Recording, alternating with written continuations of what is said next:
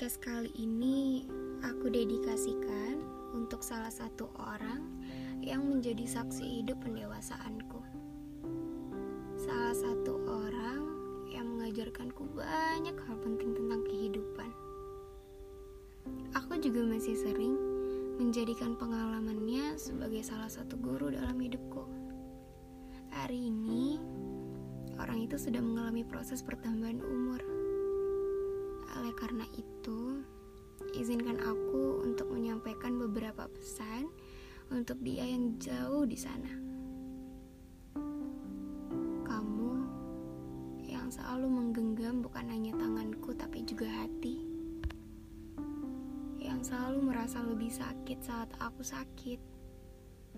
Menjagaku, memandang jauh ke dalam mataku saat aku berbohong memarahiku saat aku tidur larut malam, tidak teratur makan, dan marah untuk menutupi rasa khawatirmu saat sakitku kambuh akibat kecerobohanku menjaga kesehatan. Kamu tahu, ini terasa aneh bagiku. Dulu kamu dan aku begitu dekat. Aku yang dulu terbiasa dengan sapaan manismu, terbiasa dengan perhatianmu, dan terbiasa melihatmu tertawa karenaku, kini harus ikhlas melepaskanmu.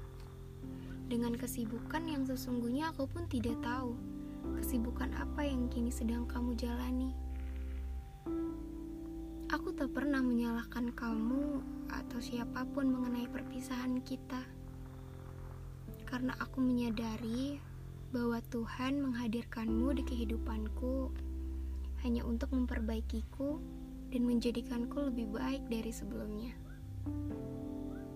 Dunia rasanya mau runtuh. Saat aku sadar, keadaan pada akhirnya akan memudar. Perubahan-perubahan kecil yang membuatku semakin tahu, inilah akhir perjalananku berada di sebelahmu. Andai kamu tahu, itu sebenarnya sangat menyakitkan untukku. Berubah. Rencana kita pun berubah. Kadang kita tak pernah tahu kepada siapa hati ini akan dijatuhkan. Dan kepada siapa hati ini akan dipatahkan. Aku tak bisa memaksakan seseorang yang tidak ingin ada aku lagi di perjalanan hidupnya. Karena bagiku, merelakan seseorang adalah salah satu bentuk mencintai paling dalam.